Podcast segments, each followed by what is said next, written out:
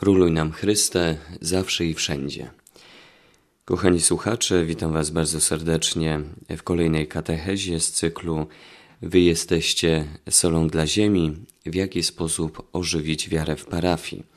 Przy mikrofonie ksiądz Łukasz Tlauka.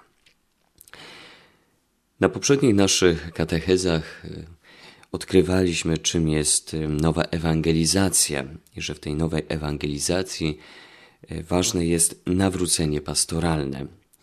Nowa ewangelizacja polega na głoszeniu tej samej Ewangelii, gdzie ważne jest mm, dostosowanie metod do głoszenia e, tej samej Ewangelii Jezusa Chrystusa.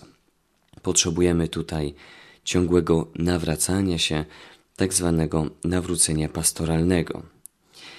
Jezus Chrystus y, powołuje do bycia uczniem misjonarzem. Tak jak Jezus powołał 72, tak jak Jezus, który powołał apostołów, również powołuje nas, abyśmy byli Jego uczniami i szli na krańce świata i głosili Ewangelię. Uczniowie Jezusa y, kochają Boga, uczniowie Jezusa kochają ludzi i uczniowie Jezusa pozyskują innych uczniów. Uczniowie Jezusa kochają Boga, ponieważ doświadczają Jego mocy, Jego działania. Jezus, który przychodzi na świat, aby uzdrawiać, e, to jest ten, który daje nam e, pojednanie i przebaczenie. To jest Jezus, który ma moc e, uzdrowić trędowatych, e, dać e, skrzeszenie córce Jaira. To jest Jezus, który e, ratuje kobietę przełapaną na cudzołóstwie. To jest ten, który mówi: Idź, Twoje grzechy są odpuszczone. Uczniowie Jezusa więc kochają Boga.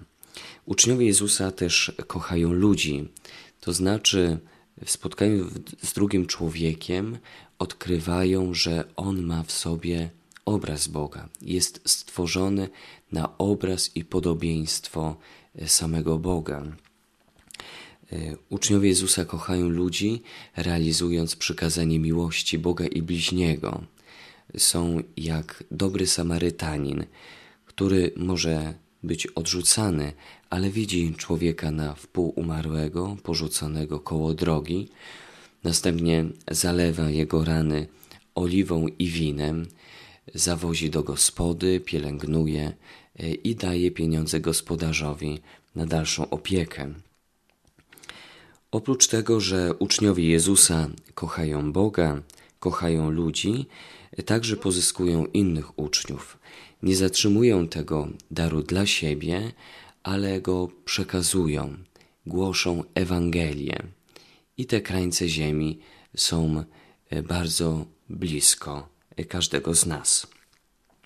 W każdej e, wspólnocie parafialnej możemy wyróżnić uczniów misjonarzy, czyli tych, którzy naprawdę kochają Boga, naprawdę kochają ludzi i równocześnie pozyskują innych uczniów. W parafii także mamy pobożnych, czyli tych, którzy spełniają praktyki religijne, którzy e, korzystają z sakramentów, ale jeszcze nie odkryli e, bycia uczniem, misjonarzem Jezusa Chrystusa. I mamy też zagubionych, e, którzy nie praktykują i którzy nie odkryli uczniostwa. Dlatego każdy z tych grup, czy to uczniów pobożnych, czy zagubionych, jest zaproszonych do przebycia przygody. Uczniowie misjonarze są ciągle zapraszani do, do tego, aby być wsłuchanym w Jezusa Chrystusa i aby codziennie odkrywać, w jaki sposób mogą być misjonarzami.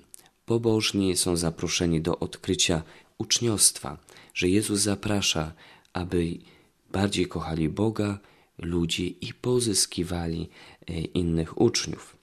W końcu zagubieni e, są e, zaproszeni do tego, aby odkryć wokół siebie uczniów, którzy głoszą Ewangelię o Jezusie Chrystusie, aby byli otwarci na tę Ewangelię, aby usłyszeli o Jezusie i odkryli, że Pan Bóg zaprasza ich do bycia uczniami, misjonarzami. W trakcie dzisiejszej katechezy e, chciałbym powiedzieć kilka słów o charyzmatach. E, tę katechezę będę głównie opierał na książce Sherry Weddell Owocne uczniostwo Żyć misją Jezusa w Kościele i w świecie. Uczeń misjonarz e, Jezusa Chrystusa jest uzdalniany do wypełniania swojej misji i Pan Bóg uzdalnia go do otrzymania e, darów, które określamy charyzmatami. Czym w ogóle jest e, charyzmat? E, charyzmat jest transkrypcją greckiego słowa charizma, którym często posługuje się w swych listach święty Paweł, a które pojawia się także w pierwszym liście świętego Piotra. Ma ono ogólne znaczenie, znaczenie hojnego daru, a w Nowym Testamencie używane jest wyłącznie w odniesieniu do darów pochodzących od Boga.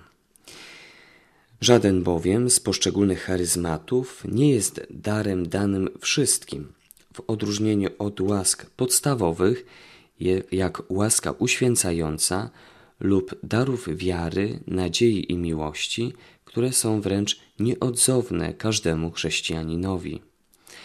Charyzmaty to dary szczególne, których Duch udziela tak, jak chce. Temat charyzmatów pojawia się w tradycji katolickiej.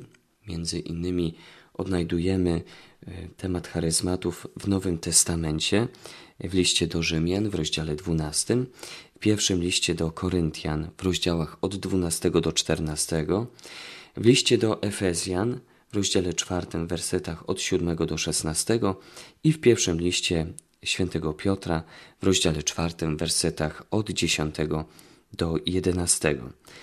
Także pierwsi ojcowie Kościoła i późniejsi teolodzy poruszają temat charyzmatów.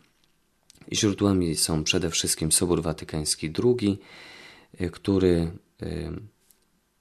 sięga do Didache, świętego Ignacego Antiocheńskiego, pasterza Hermasa, świętego Justyna Męczennika, świętego Ireneusza, Tertuliana, Orygenesa, Eusebiusza, świętego Hilarego z Poitiers, świętego Cyryla Jerozolimskiego, świętego Bazylego Wielkiego, świętego Grzegorza z Nezjansu, konstytucji apostolskich świętego Jana Chryzostoma, czy też świętego Tomasza z Akwinu oraz papieża Piusa XII.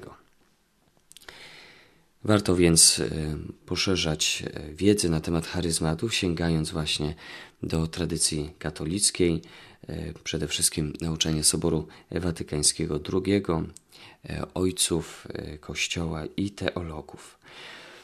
Bardzo ważne, mówiąc o charyzmatach, jest rozróżnienie między darami uświęcającymi a charyzmatami. W tym pomoże nam święty Tomasz, który mówi o łasce uświęcającej, gracia gratum faciens, czyli łaska dana dla dobra przyjmującego oraz łaska darmowa, gracia gratis data, czyli łaska dana dla dobra innych. Y, charyzmaty są łaską daną dla dobra innych. Mamy więc dwa rodzaje łaski: łaskę uświęcającą i łaskę daną dla dobra innych, czyli charyzmaty. Święty Tomasz pisze: W związku z tym łaska jest dwojaka. Jedna, która samego człowieka jednoczy z Bogiem, zwana łaską uświęcającą lub czyniącą człowieka miłym Bogu. I druga, przez którą człowiek dopomaga innym w dążeniu do Boga. Dar tego rodzaju nazywa się łaską darmodaną, ponieważ przewyższa możliwości natury i zasługi osobiste człowieka, któremu zostaje udzielona. Ponieważ jednak dana zostaje nie po to, aby człowiek sam był przez nią usprawiedliwiony, lecz po to, by pomagał innym do usprawiedliwienia. dlatego nie nazywa się uświęcającą. O niej to właśnie mówi apostoł, a każdemu dostaje się objaw ducha dla ogólnego pożytku. Święty Tomasz mówi więc o dwóch rodzajach łaski: łasce uświęcającej, gdzie to jest łaska potrzebna dla naszego zbawienia.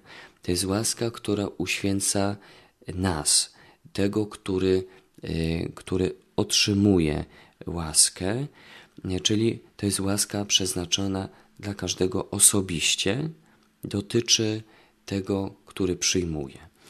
E, to jest łaska uświęcająca. Natomiast charyzmaty e, jest to łaska, która jest przeznaczona dla drugiego, dla innych.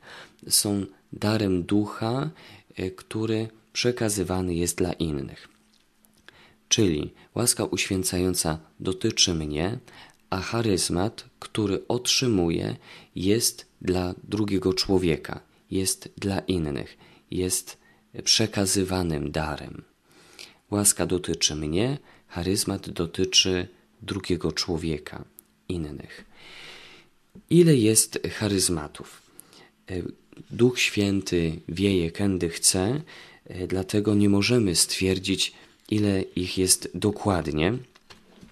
E, Sherry Weddell, e, kiedy przeprowadza kursy, wymienia 28 podstawowych charyzmatów i teraz przeczytam je. Mm, ta lista nie jest zamknięta, jest otwarta, ponieważ nie wiemy, ile dokładnie jest tych charyzmatów. Wyróżniamy.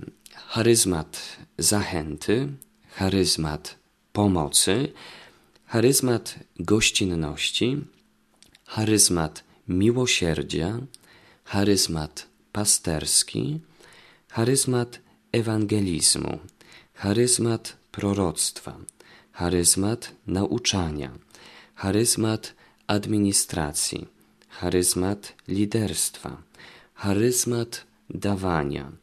Charyzmat służenia, charyzmat celibatu, charyzmat nadzwyczajnej wiary, charyzmat misyjny, charyzmat dobrowolnego ubóstwa, charyzmat uzdrawiania, charyzmat modlitwy wstawienniczej, charyzmat wiedzy, charyzmat mądrości, charyzmat rzemiosła, charyzmat muzyki i charyzmat pisania.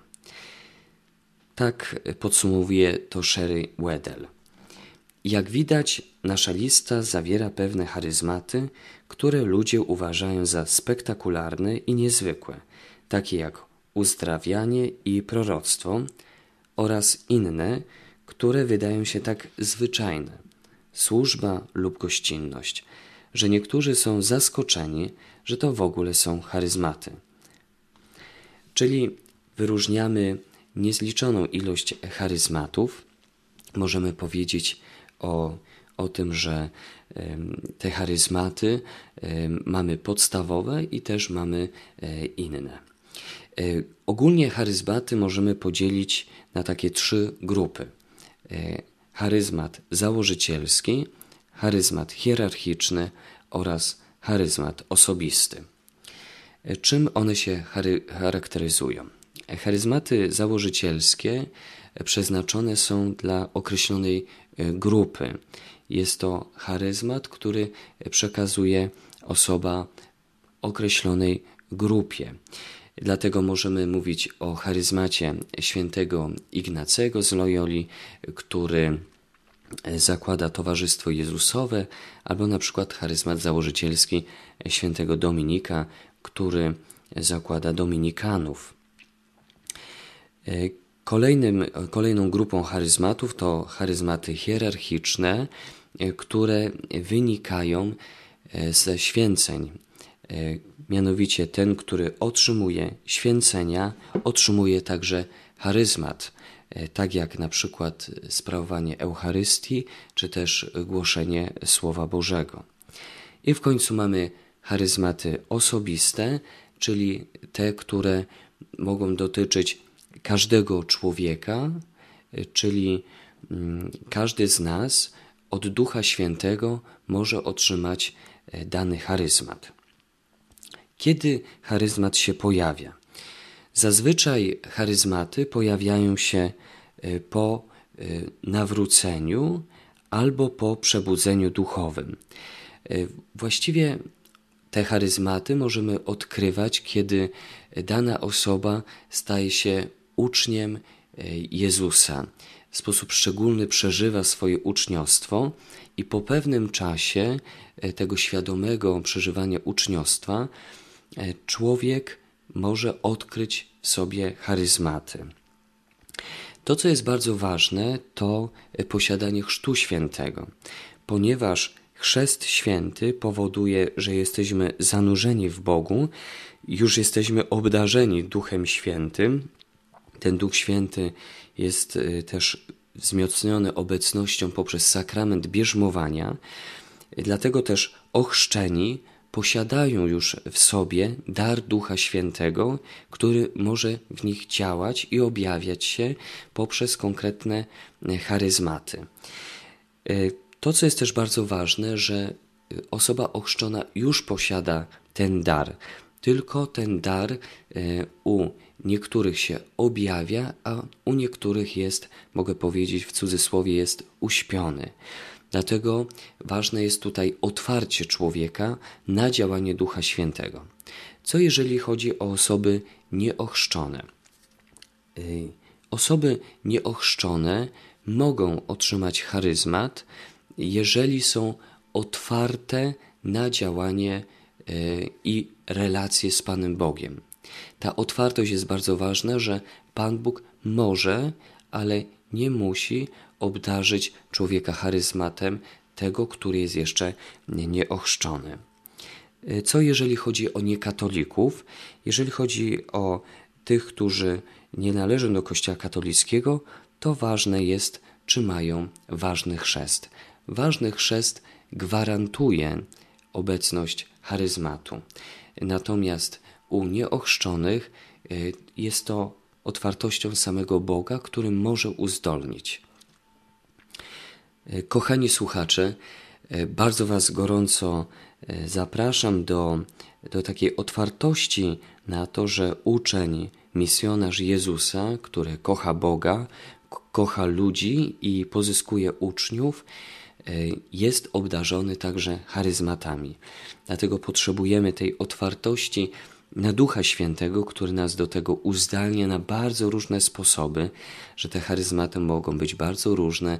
Każdy z nas może e, posiadać e, także e, różne charyzmaty i że Kościół może nawzajem się ubogacać tymi charyzmatami, gdzie każdy z nas, jako członek mistycznego ciała Chrystusa, jest ważny i wyjątkowy, a tak różnorodny. Szczęść Boże.